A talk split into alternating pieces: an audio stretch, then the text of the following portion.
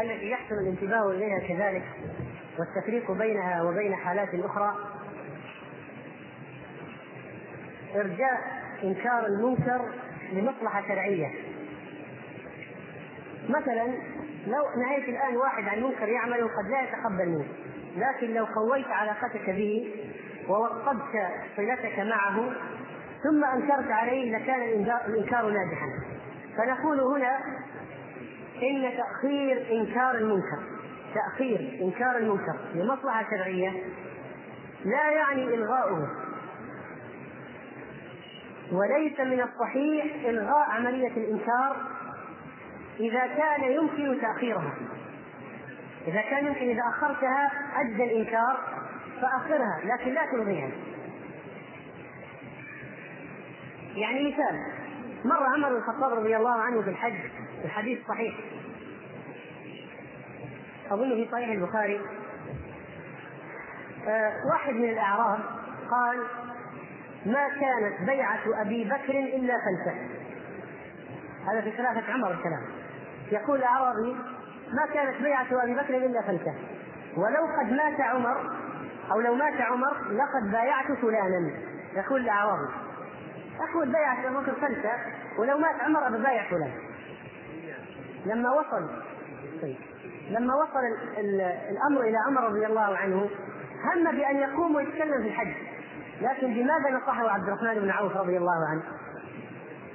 قال يعني يا أمير المؤمنين تريث لا لا تنبه الآن لأن الناس الآن في الحج في الحج فيهم جهلة وفيهم ناس عندهم علم وفيهم ناس قد لا يفهمون الأمور تماما.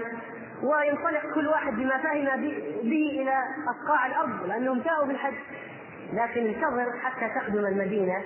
فيها المهاجرين والأنصار وأهل الحل والعقد وأهل الرأي. فيفهمون مقالتك فيعقلونها ثم ينشرونها بين الناس. حتى لا ينتشر بين الناس شيء خاطئ. فعمر رضي الله عنه أرجأ أرجأ إنكار كلام الأعرابي مقولة الأعرابي حتى يقدم إلى المدينة ثم ينكرها بعد ذلك وقد حصل هذا فعلا وكان فيه خير عظيم ضابط آخر إلى أي درجة يزال المنكر؟ إلى أي درجة يزال المنكر؟ الأصل أن يزال المنكر زوالا كليا بحيث لا يرجى أن يعود إلى حالته التي هو فيها إيه؟ منكر يزول المنكر تماما فمثلا روى النسائي عن أبي الطفيل قال عن أبي الطفيل قال لما فتح رسول الله صلى الله عليه وسلم مكة بعث خالد بن الوليد إلى نخلة وكان بها العزة. التي يعبدها الكفار. فأتاها خالد وكانت على ثلاث سمورات. شجر الطلح. ثلاث سمورات. فقطع السمورات وهدم البيت الذي كان عليها ثم أتى النبي صلى الله عليه وسلم. فأخبره. فقال عليه الصلاة والسلام ارجع فإنك لم تصنع شيئا. فرجع خالد فلما أبصرته السدنه الكفار اللي عند العزة وهم حجبتها امتنعوا أو أمعنوا في الجبل هاربين وهم يقولون يا عزى يا عزى فأتاها خالد فإذا امرأة عريانة ناشرة شعرها. تحسن التراب على رأسها.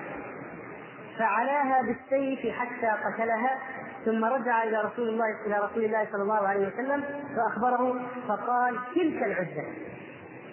لما قتلت المرأة هذه زالت الفتنة وليست قضية انه قطع الشجر وهدم البيت انتهت. ما زال في كاهنه هناك يجب قتلها حتى يزيل المنكر تماما حتى يزول المنكر بالكلية. مثلا موسى عليه السلام لما فتن بنو إسرائيل بالعجل الذي صنعه السامري المنكر العظيم. ماذا فعل موسى لما رجع؟ لنحرقنه. بس. ثم لننسفنه في اليم نسفا زائد عقوبة السامري حتى يكون عبرة للآخرين. فانظر كيف قضى موسى عليه السلام على المنكر قضاء مبرما لا يرجى أن يعاد أن يعاد إليه مرة أخرى. مثلا الرسول صلى الله عليه وسلم لمسجد الضرار ماذا فعل؟ أمر الصحابة بعض الصحابة يذهبوا إليه فيحرقوه ويهدموه ويزيلوه. حتى قال بعض السلف فهو الآن مزبلة. مسجد الضرار. إزالة المنكر إزالة كاملة. عمر بيع وشجرة الرضوان قطعها وقبر جانيال في الشام الصحابة حفروا قبور حوله بعد خبوا بعد أن عموا على الناس. حتى لا يرجى أن يعرف فيعبد ويطاف حوله ويعبد من دون الله.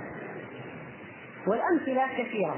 فإذا المنكرات التي هي بحد ذاتها منكر.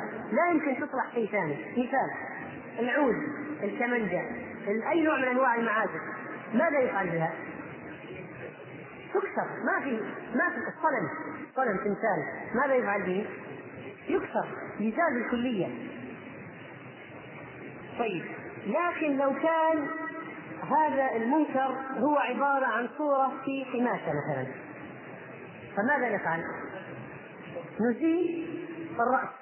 لو أزلنا الرأس خلصنا منه فالباقي إذا كان يعني صورة عادية ها يبقى إذا لم يكن الباقي محرما. حتى يصير كهيئة الشجرة. يعني أحيانا يكون إزالة المنكر لابد تزيله بالكلية وتخرقه وتكسره تماما. أحيانا يكون إذا غيرت فيه شيء معين تحول إلى شيء مباح ولذلك الرسول صلى الله عليه وسلم لما رأى هذا الستار الذي فيه صور ماذا أمر عائشة أن تصنع منه؟ يجعل وسادتين تقطع بحيث تزول الصورة ويجعل إيش؟ وسادتين منتبذتين يوطئان ولما كان في البيت كلب كيف أزاله؟ أخرج الكلب من البيت طيب. إذا كان محل المنكر نفس محل المنكر يمكن ان يزال بغير يعني بغير أن يكسر أو يتلف مثلا الآنية التي كان الصحابة يطبخون فيها لحم الحمير الحمر الأهلية وهي تغلي في القدور. فنزل تحريم الحمر الأهلية فأمر الرسول صلى الله عليه وسلم الصحابة أن يكسروا القدور ويتخلصوا مما فيها. فقالوا يعني افلا غسلناها وانتفعنا بها؟ يعني لو رمينا ما فيها وغسلناها وانتفعنا بها فأجاز لهم ذلك. لكن لو في قارورة خمر هل يجوز أن تكسر؟ الجواب نعم يجوز أن تكسر. لو كان في طعام مغشوش يجوز أن يراق؟ نعم عقوبة للفاعل. لكن لو تصدق به يجوز؟ أي يجوز نعطيه نعطيه للفقراء يتخلص منه بإعطائه للفقراء مثلا فعند ذلك المهم ازلنا المنكر وانتفع به بوجه مباح من الوجوه. ومسألة الكسر أو الإراقة تعتمد على حال صاحب المنكر. فإن كان الإنسان معاند ولا يزول شره إلا بالكسر والإتلاف كسر كسرت وأتلفت ولا ينتفع بها في وجه آخر. وإن كان إنسان يعني شره ليس كبيرا ويعني انتفع بهذه في وجه مباح فهي جائزة والمسألة فيها أقوال لأهل العلم لعلنا يكون هذا ملخصها. وهذه قصة جميلة تبين لنا كيفية تغيير المنكر بشيء قديم ممتاز.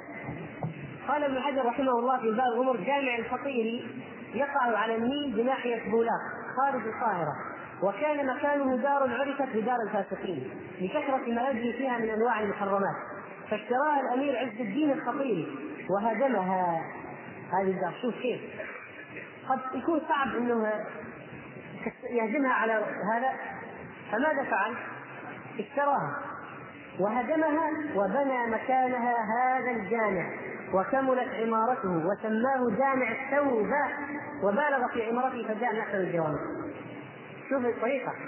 اشتراه وهدمه بناه مسجد يسماه جامع إيش؟ إشارة إلى ما كان يحدث فيه من المعاصي وصار من أحسن الجوامع ضابط آخر وقاعدة أخرى أن المعسور في الإنكار لا يسقط الميسور منه. ما معنى هذه القاعدة أو هذا الضابط؟ يعني إذا كان الإنكار لا يؤدي إلى تغيير المنكر كليا ولكن يؤدي إلى تغييره جزئيا. هل ننكر ولا لا؟ نعم ننكر ننكر لو إني مريت في الشارع باستديو بشتري حق تسجيلات هذا مفتوح على أعلى كذا لو إني قلت له طفيه ما طفاه طيب.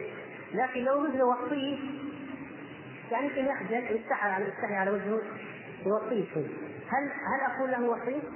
نعم. قول له وطيه وامشي وهكذا. لو قالوا مثلا لا.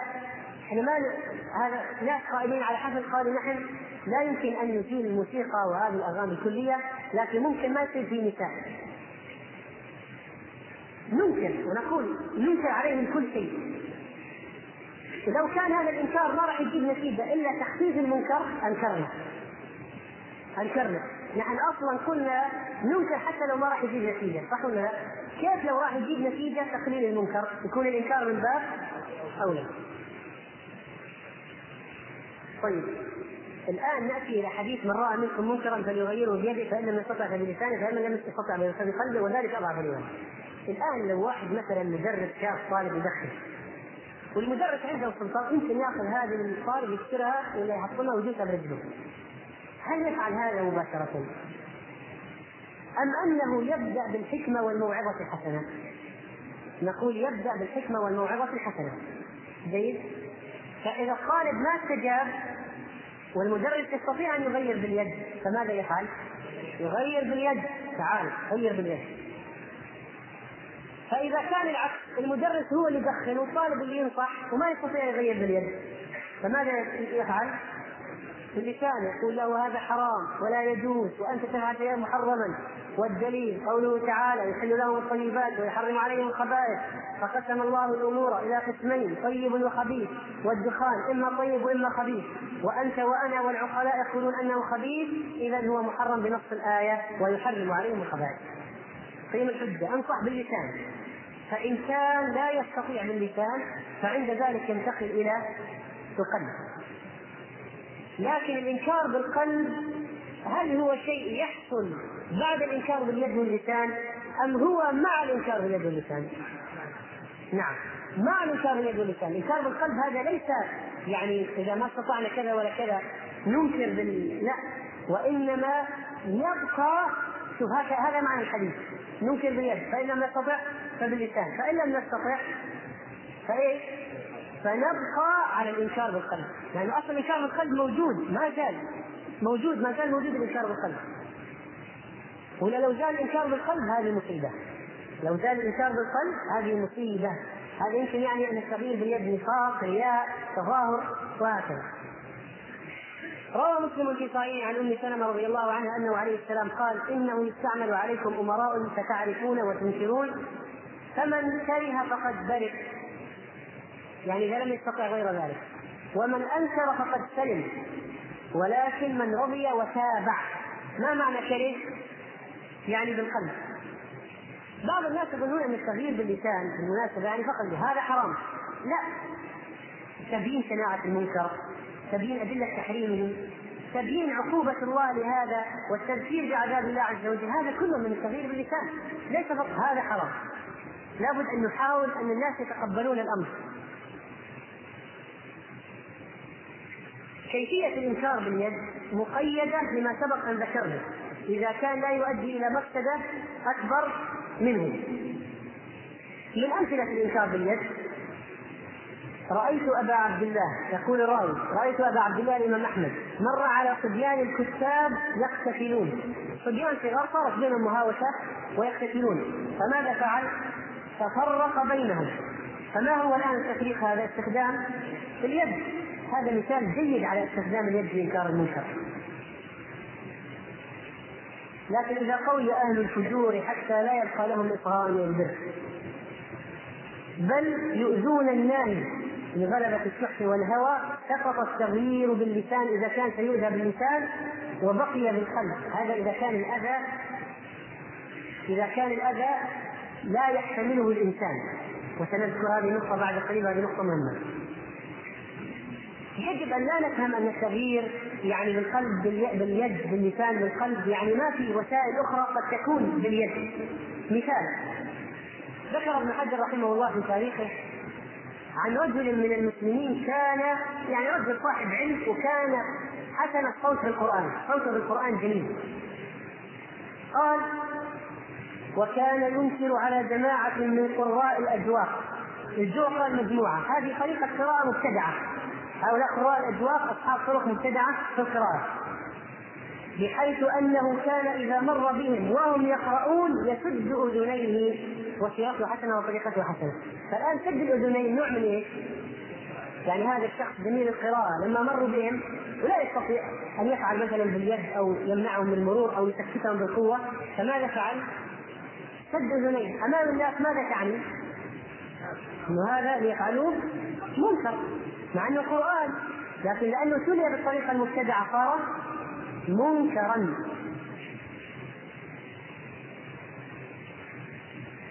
أما الإنكار بالقلب أيها الإخوة فإنه يجب أن لا ينفصل في أي حالة من الحالات يقول الله عز وجل فلا تق وإذا رأيت الذين يخوضون في آياتنا فأعرض عنهم حتى يخوضوا في حديث غيره. وقال أيضا فلا تقعدوا معهم إنكم اذا مثلهم. حتى يخوضوا في حديث غيره إنكم إذا مثلهم. إنكم إذا مثلهم. فلا تقعد بعد بعد الذكرى مع القوم الظالمين. هذا يدل على اجتناب أصحاب المعصية. إذا ظهر منهم المنكر ولم يستطع الإنسان تغييره ولم يستطع الإنسان أن يغيره. قال الله عز وجل الرضا بالكفر كفر. قال الله عز وجل إنكم إذا مثلهم. فكل من جلس في مجلس معصية ولم ينكر عليهم يكون معهم في الوزر سواء. وينبغي أن ينكر عليهم إذا تكلموا بمعصية وعملوا بها. فإن لم يقدر على النكير عليهم فينبغي أن يقوم عنهم. ولا يجوز لأحد أن يحضر مجالس المنكر باختياره. من لا يجوز لمؤمن أن يقعد على ماء يدار عليها الخمر. ولما رفع لعمر بن عبد العزيز قوم يشربون به أما سمعتم الله يقول؟ وقد نزل عليكم في الكتاب أن إذا سمعتم آيات الله يكفر بها ويستهزأ بها فلا تقعدوا معهم حتى يخوضوا في حديث غيره. إن ها؟ إنكم إذا مثلهم. إن الله جامع الكافرين والمنافقين في جهنم جميعا. إن الله جامع المنافقين والكافرين في جهنم جميعا. فليس للإنسان أن يحضر الأماكن التي يشهد فيها المنكرات. ولا يمكنه الإنكار. ما يجوز يحضر أصلا. في عرس في منكر. لو حضرت ما تستطيع تنكر. هل يجوز أن تحضر؟ لا. حفلة فيها منكر. هل يجوز أن تحضر؟ لا. ما يجوز أن تحضر إذا لم تستطع أن تنكر. لكن ممكن تحضر وتنكر وتمشي حتى يبقى صوت الحق مرفوعا. وإنك أنت رفعت الإسلام وأظهرت الحق وأقمت الحجة ثم فارقته. سئل شيخ الإسلام رحمه الله عن جواز عن عن حكم حضور المجالس اللي فيها منكر منكر فقال ليس للإنسان أن يحضر الأماكن التي يشهد في يشهد فيها المنكرات ولا يمكنه الإنكار إلا لموجب شرعي مثل أن يكون هناك أمر يحتاج إليه لمصلحة دينه أو دنياه لا بد فيه من حضوره أو يكون مكرها إذا صار مكره خلاص أدخلوه بالقوة إيش تسوي؟ بنت مثلا عرس آه فيه منكرات. ضربها أبوها وكشفها وأخذها بالقوة وأدخلها في العرس. ولا تستطيع الخروج. مكره خلاص. صار الانسان مكره انتهينا.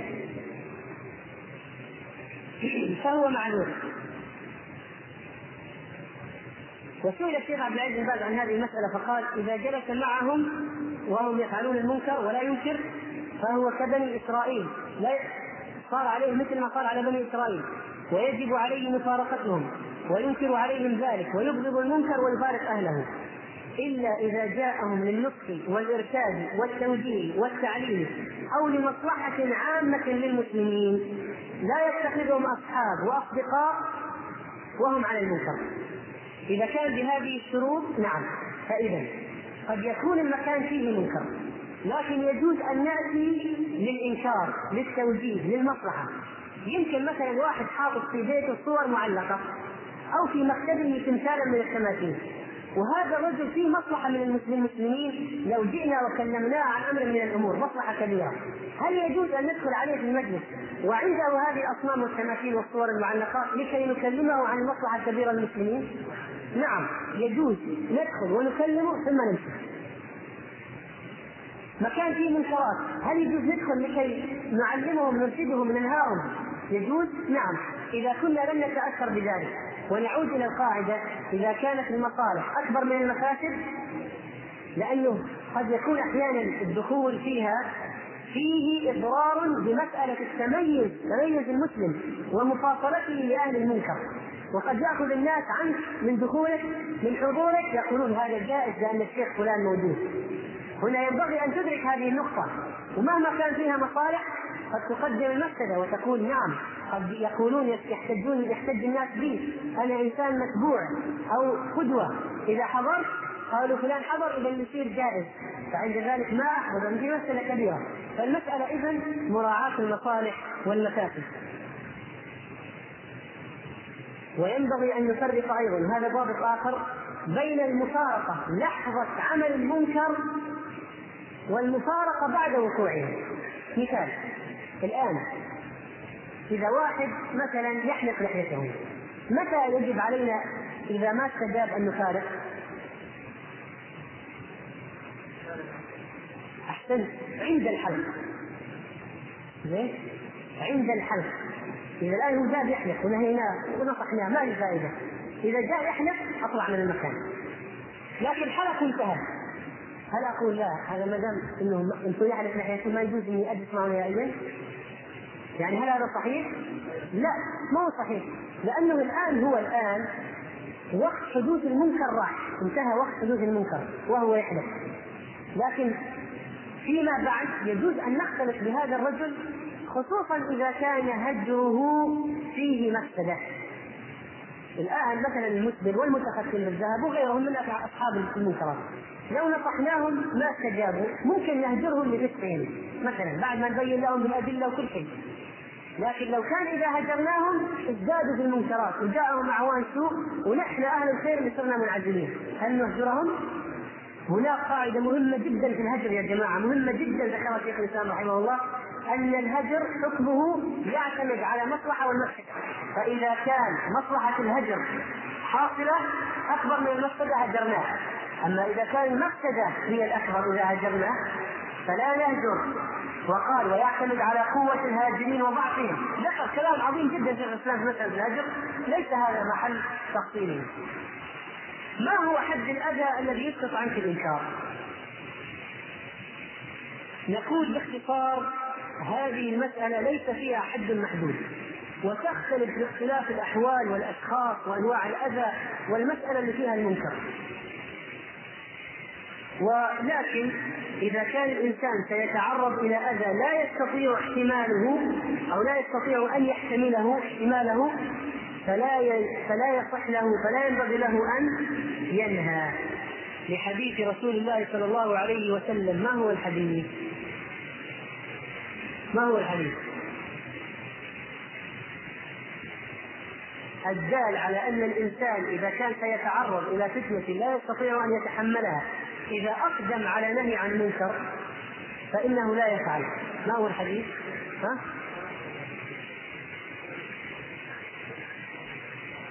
أيوه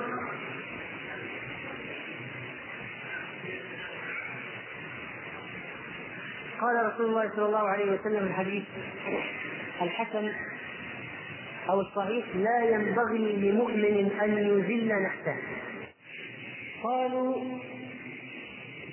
وكيف يذل نفسه؟ قال يتعرض من البلاء ما لا يطيق هذا حديث مهم جدا. لو كان واحد نهى عن منكر سيتعرض إلى بلاء لا يطيقه ويمكن يفتن عن دينه. فماذا فهل ينكر؟ لا. لأنه سينتهي إلى فتنة عن دينه. وعلى العموم لو حصل على إنسان خاف القتل الحقيقي أن يقتل مثلا أو أن يضرب ضربا مبرحا شديدا ما نقول له يجب عليك أن تنكر لكن نقول له إيش؟ إنكارك عزيمة من العزائم. لأن الرسول صلى الله عليه وسلم قال سيد الشهداء حمزة. ورجل قام إلى سلطان جائر فأمره ونهاه فقتله. فإذا صار هذا شيء عزيمة. لكن ما نلزم الناس به. نقول حتى لو تعرض القتل يجب عليك أن تنكر؟ لا. إذا كان سيتعرض إلى أذى شنيع فلا يجب عليه أن ينكر لأنه قد يكون فيه إلقاء بالنفس إلى التهلكة وتذهب نفسه وقد يكون إبقاؤه على نفسه في مصالح أخرى من الدعوة إلى الله والأمر بالمعروف والنهي عن المنكر في مجالات أخرى لا يحصل عليه فيها ذلك. لكن لو حصل مثل موقف الإمام أحمد رحمه الله البويطي قتل ومحمد بن نوح اللي كان رفيق الإمام أحمد الشاب مات في الطريق وهو في السلاسل. والإمام أحمد طرحوا عليه بارية حصير وداسوه بأرجلهم حتى كاد أن يختلف حتى قال له بعضهم ظنناك مت. اختلاف. والخليفة يقول للجلاد صف الجلادين الأشداء الغراب ويقول الواحد تقدم ويضرب صوتين بأكثر ما يستطيع ويرجع. ويقول تقول شد يدك قطع الله يدك. ويأتي الجلاد الذي بعده. وقف الإمام أحمد وقفة عظيمة جدا. له أجرها عند الله إن شاء الله. فهذا الفعل لأنه يحتمل الامام أحمد يحتمل. ما يخاف الفتنه على نفسه. يحتمل. تقدم وواجه حتى الموت. ولكن الله عز وجل رأف به وخرج من الفتنة حيا وبقي منارا يعلم الناس حتى توفاه الله. لكن هنا نقول مسألة. هل لأدنى سب أو شتم؟ نقول لك معلش ما يجب عليك؟ قال ابن جوزي رحمه الله أما السب والشتم فليس بعذر في السكوت لأن الآمر بالمعروف يلقى ذلك في الغالب. وقال شيخ الإسلام رحمه الله الصبر على أذى الخلق في الأمر والنهي إن لم يستعمل لزم أحد أمرين. إما تعطيل الأمر والنهي وإما حصول فتنة ومفسدة. أعظم من مفسدة ترك الأمر والنهي أو مثلها أو قريب منها. وكلاهما معصية. وقد قال الله تعالى وأمر بالمعروف وانهى عن المنكر وإيش؟ واصبر على ما أصابك. فمن أمر ولم يصبر أو صبر ولم يأمر أو لم يأمر ولم يصبر لم يأمر ولم يصبر حصل من هذه الأقسام ثلاثة مفسدة. ولكن الصلاح أن يأمر وينهى ويصبر على الأذى. وعموما فأكثر ضوابط الأمر بالمعروف والنهي عن المنكر تختلف باختلاف الأشخاص والأحوال والهيئات والأمر والشيء المأمور به والمنهي عنه. ولكن من الأمور المهمة في قضية الأذى إذا تعدى الأذى إلى الآخرين. إذا أنت الآن نهيت عن منكر أدى ما هو فقط إلى أن تؤذى بنفسك أدى أن يتعدى الأذى إلى الآخرين. أذى حقيقي أذى كبير. هل يجوز أن تنهى؟ لا. يعني نأخذ مثال. لماذا لا يجوز؟ لأنه يتسامح في حق النفس. ما لا يتسامح في حق الآخرين؟ ما يصير إني أنا أعمل عمل أنا مستعد أن أتحمل تبعاته لكن آخرين من الناس سيشملهم.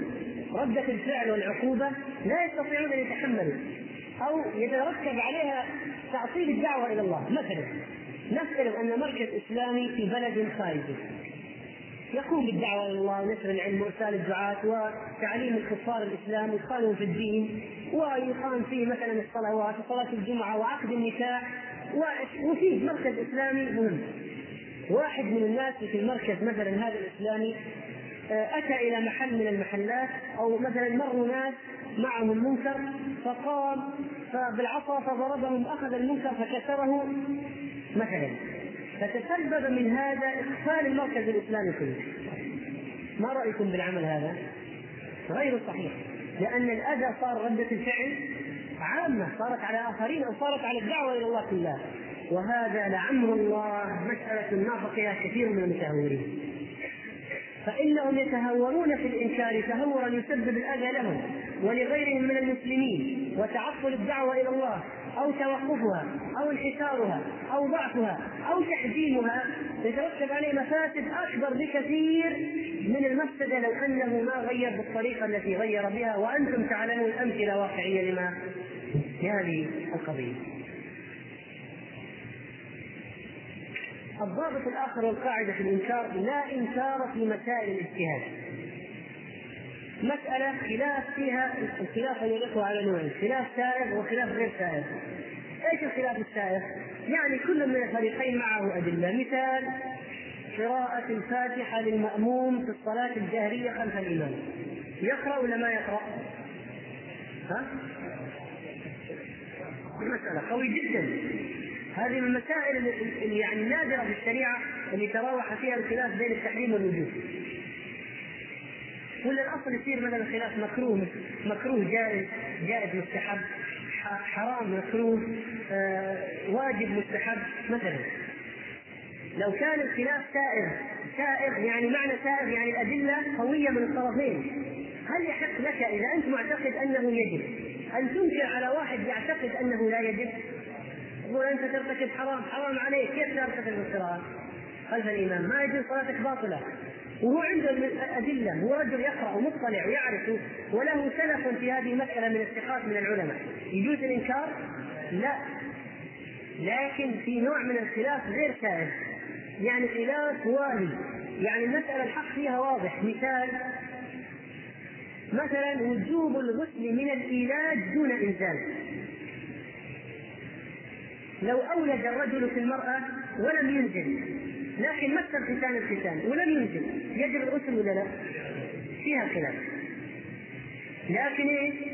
الخلاف يعني أي الحق فيها واضح لأنه فيها نص.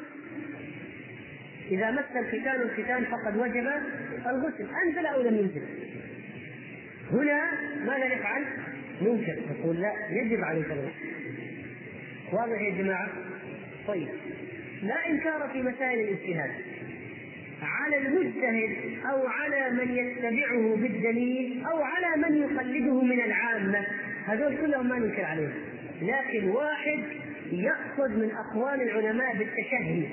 يعني إنسان عامي لكن يدور الأسهل. يعني مثلا يمكن ما يقرأ الفاتحة يقول لأن أسهل اني ما أقرأ. فنقول تعال هذا أنكر عليه. ليش؟ لأنه يأخذ بالقول الآخر. ليش؟ لأنه مقتنع به. لأنه يعلم أدلته مقتنع بها. لأنه يثق بالعلماء الذين قالوا بهذا الرأي وهو يقلدهم لأنه عامي؟ لا. لأنه أسهل هذا أنكر عليه.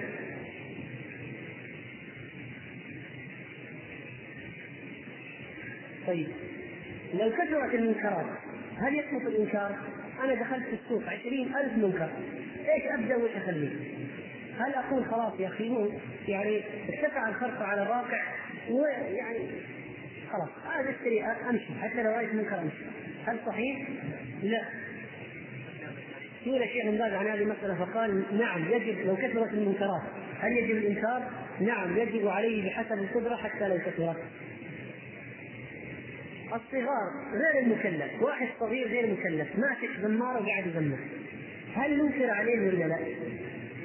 الجواب نعم لكن لا يسمى إنكارا عند العلماء وإنما يسمى زجرا وتاديبا. ليش ما سموه إنكار؟ لأنه غير مكلف. يعني اذا هو غير آثم.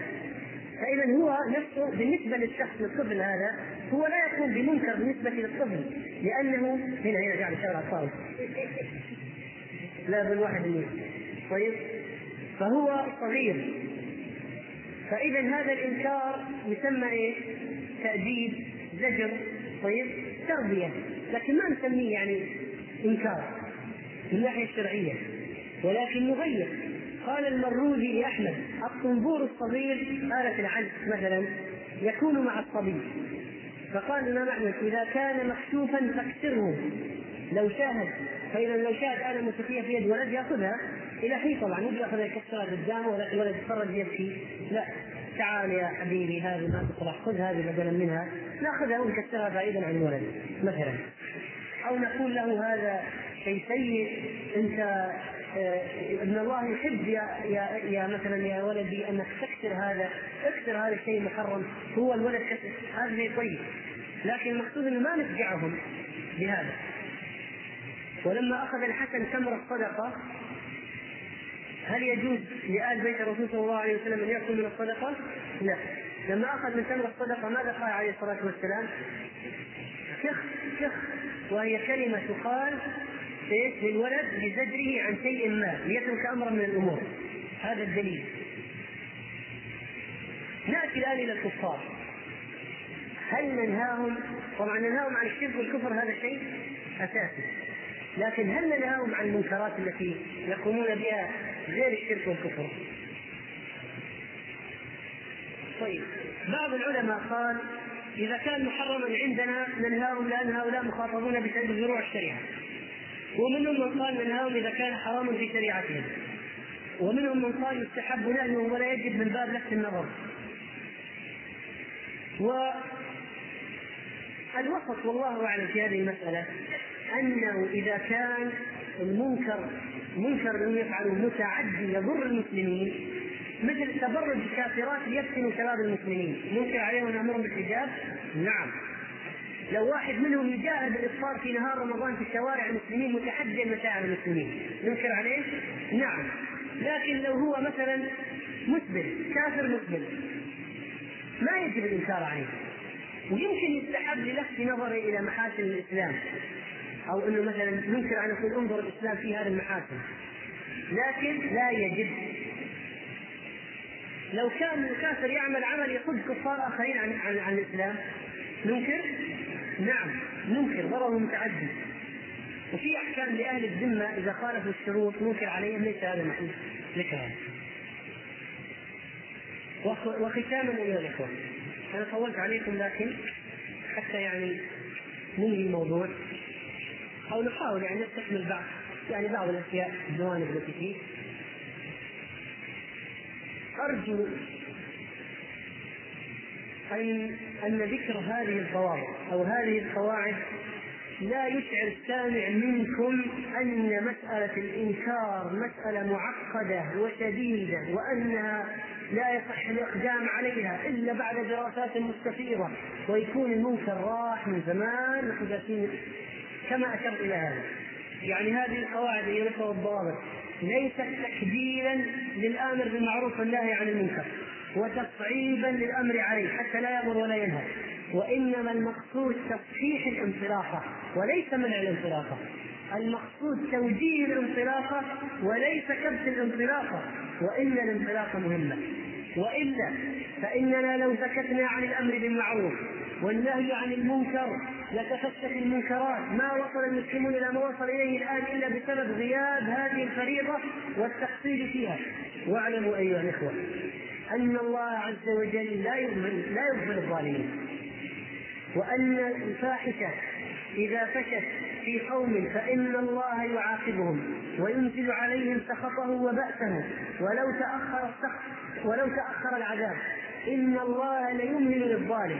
حتى إذا أخذه لم يفلته وكذلك أخذ ربك إذا أخذ القرى وهي ظالمة. إن أخذه أليم شديد.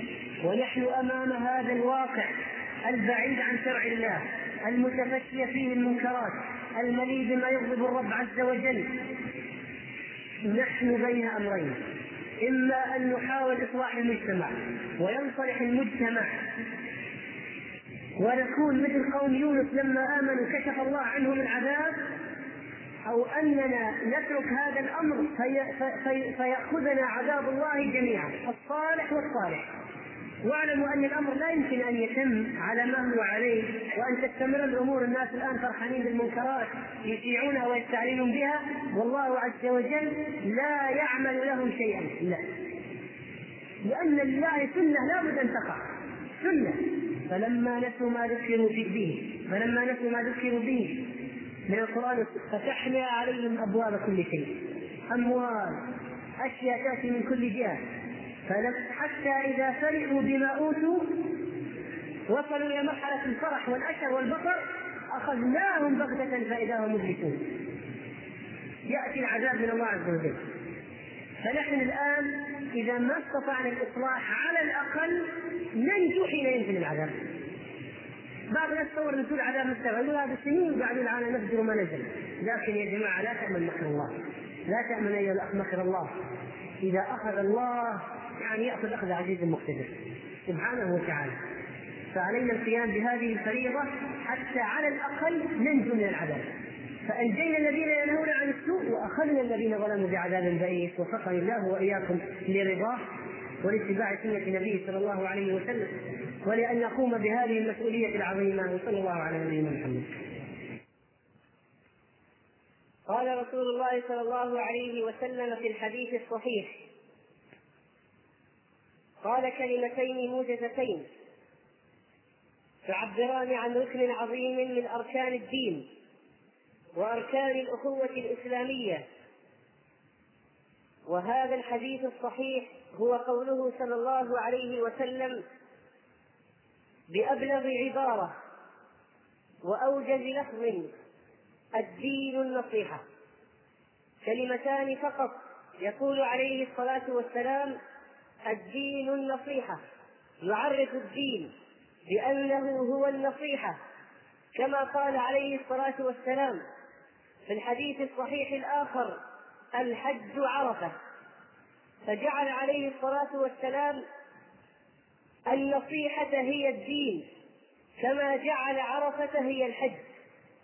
ليس لأن الدين كله هو النصيحة ولا أن الحج كله هو عرفة. ولكن لما كانت عرفة أعظم ركن من أركان الحج وهي الموقف الأكبر دلالة على أهميتها وعظمها. كذلك يومئ عليه السلام لأمته بأن النصيحة هي أعظم شيء في الدين. لأن النصيحة هي من أعظم الأشياء في الدين. وهذه القضية أيها الإخوة لما وقع فيها الإهمال بين المسلمين رأيت الانحرافات الكثيرة. في العقائد والسلوكيات نظرا لأن هذه المسألة مرتبطة ارتباطا وثيقا بمبدأ الأمر بالمعروف والنهي عن المنكر. بل إن النصيحة أعم من الأمر بالمعروف والنهي عن المنكر لأن النصيحة تدخل حتى في الأشياء الدنيوية. وجعل رسول الله صلى الله عليه وسلم النصيحة من أركان بيعته لبعض الناس. فقد أخبر الصحابي في الحديث الصحيح أنه بايع رسول الله صلى الله عليه وسلم على السمع والطاعة وعلى أشياء فذكر منها والنصح لكل مسلم. فكان رسول الله صلى الله عليه وسلم يشترط في البيعة النصح لكل مسلم. النصيحة أيها الإخوة. النصيحة هذا المعلم البارز المهم من من معالم المجتمع الإسلامي ومن أساسيات الأخوة. لما غابت النصيحة أيها الإخوة فقدنا أشياء كثيرة. لما تواكل كل إنسان على غيره في إسداء النصيحة عم الفساد وصمت الشرور. لما أهملنا النصيحة وتقاعسنا عن أدائها ودخل الشيطان على كل إنسان فقال له عليك نفسك لا توجه نصائح للناس؟ حصلت هذه المفاسد التي ترونها اليوم والانحرافات العامة في حياة المسلمين التي أدت إلى غياب وضوح صورة الإسلام الصحيحة في أذهان كثير من المسلمين اليوم. النصيحة أيها الإخوة النصيحة التي جعلها عليه السلام ركن من أركان الأخوة. فقال في حق المسلم على المسلم وإذا استنصحك فانصحه. قال العلماء ومنهم ابن حجر رحمه الله في شرح الحديث أن هذا الأمر للوجوب. فتجب النصيحة لعموم الأدلة الأخرى الدالة على أهميتها والتشديد في أمرها. أيها الإخوة صار الواحد منا اليوم إذا رأى أخاه على منكر أو رآه واقعا في خطأ ما يستحي أو بعبارة أدق يخجل أن يوجه إليه النصيحة. وصارت النصيحة عند بعض الناس اليوم صارت عيبا. لا ينبغي ذكره ولا إسداؤه أو التوجه به. سيقول السفهاء من الناس إن النصيحة تعد على الحرية الشخصية للإنسان. وهذه فكرة قائمة في أذهان الكثير. فإنك ترى أحدهم اليوم إذا جئت توجه إليه نصيحة في أمر من الأمور قال لك وما دخلك أنت؟ وما حشرك في الموضوع؟ أنا حر فيما أفعل. هذه الحرية الشخصية الحرية المزعومة التي ادعاها هؤلاء تقليدا للكفرة من الغربيين والشرقيين الذين جعلوها صنما يعبد من دون الله فأدت إلى ما أدت إليه من الشرور والمفاسد. الحرية أيها الإخوة مكفولة للمسلمين والحمد لله في هذا الدين. ولا يحتاج المسلم لضمان حريته إلى أكثر من التقيد بشرائع الإسلام. إن الإسلام يضمن لكل مسلم حريته بالأشياء التي جاء بها في إقرار حقوق المسلم وتحريم التعدي عليه. والذي يزعم أن الحرية مطلقة فإن كلامه يؤدي إلى نفي عبودية الإنسان لله بالكلية. لأنك إذا عممت هذا المفهوم كما يراه بعض الناس اليوم فإنك ستقول أنا حر أن أؤدي الصلاة أو لا أؤديها وأنا حر أن ألتزم بالزكاة أو لا ألتزم بها. أو أنا حر أن أصوم أو أحج إلى آخر ذلك. فتصير الحرية بهذا المفهوم يا إخواني وبالا شديدا ومطعنا عظيما في دين الإسلام. فإن الإنسان عبد لله عز وجل شاء أم أبى فيجب أن يقدم حقوق هذه العبودية. ولهذا ذكر شيخ الإسلام رحمه الله أن الإنسان لا يمكن أن يعيش من غير عبودية. مطلقا. لا بد أن يعبد شيئا ما. فإما أن يكون عبدا لله تعالى أو عبدا لأهوائه أو شهواته أو غيرها من طواغيت الإنس أو الأصنام وما شابهها. لذلك أيها الإخوة لا بد أن يستقر في عقول هؤلاء الناس أن النصيحة ليست تعدل على الحرية الشخصية مطلقا. وهذه القصة أو الحوار أو الحوار الذي سمعته يوما ما. من أحد الإخوان والعهدة على الراوي تبين حال الناس في قضية النصيحة فإن إنسانا أتى لرجل من المسلمين فقال له يا أبا فلان ثوبك طويل يسحب. هل رفعته وقصرته كما أمر رسول الله صلى الله عليه وسلم؟ نصيحة رأى مسلم واقع في منكر اسدى إليه نصيحة فقال له الشخص المخاطب بلهجته يا فلان هذا ثوبي ولا ثوبك؟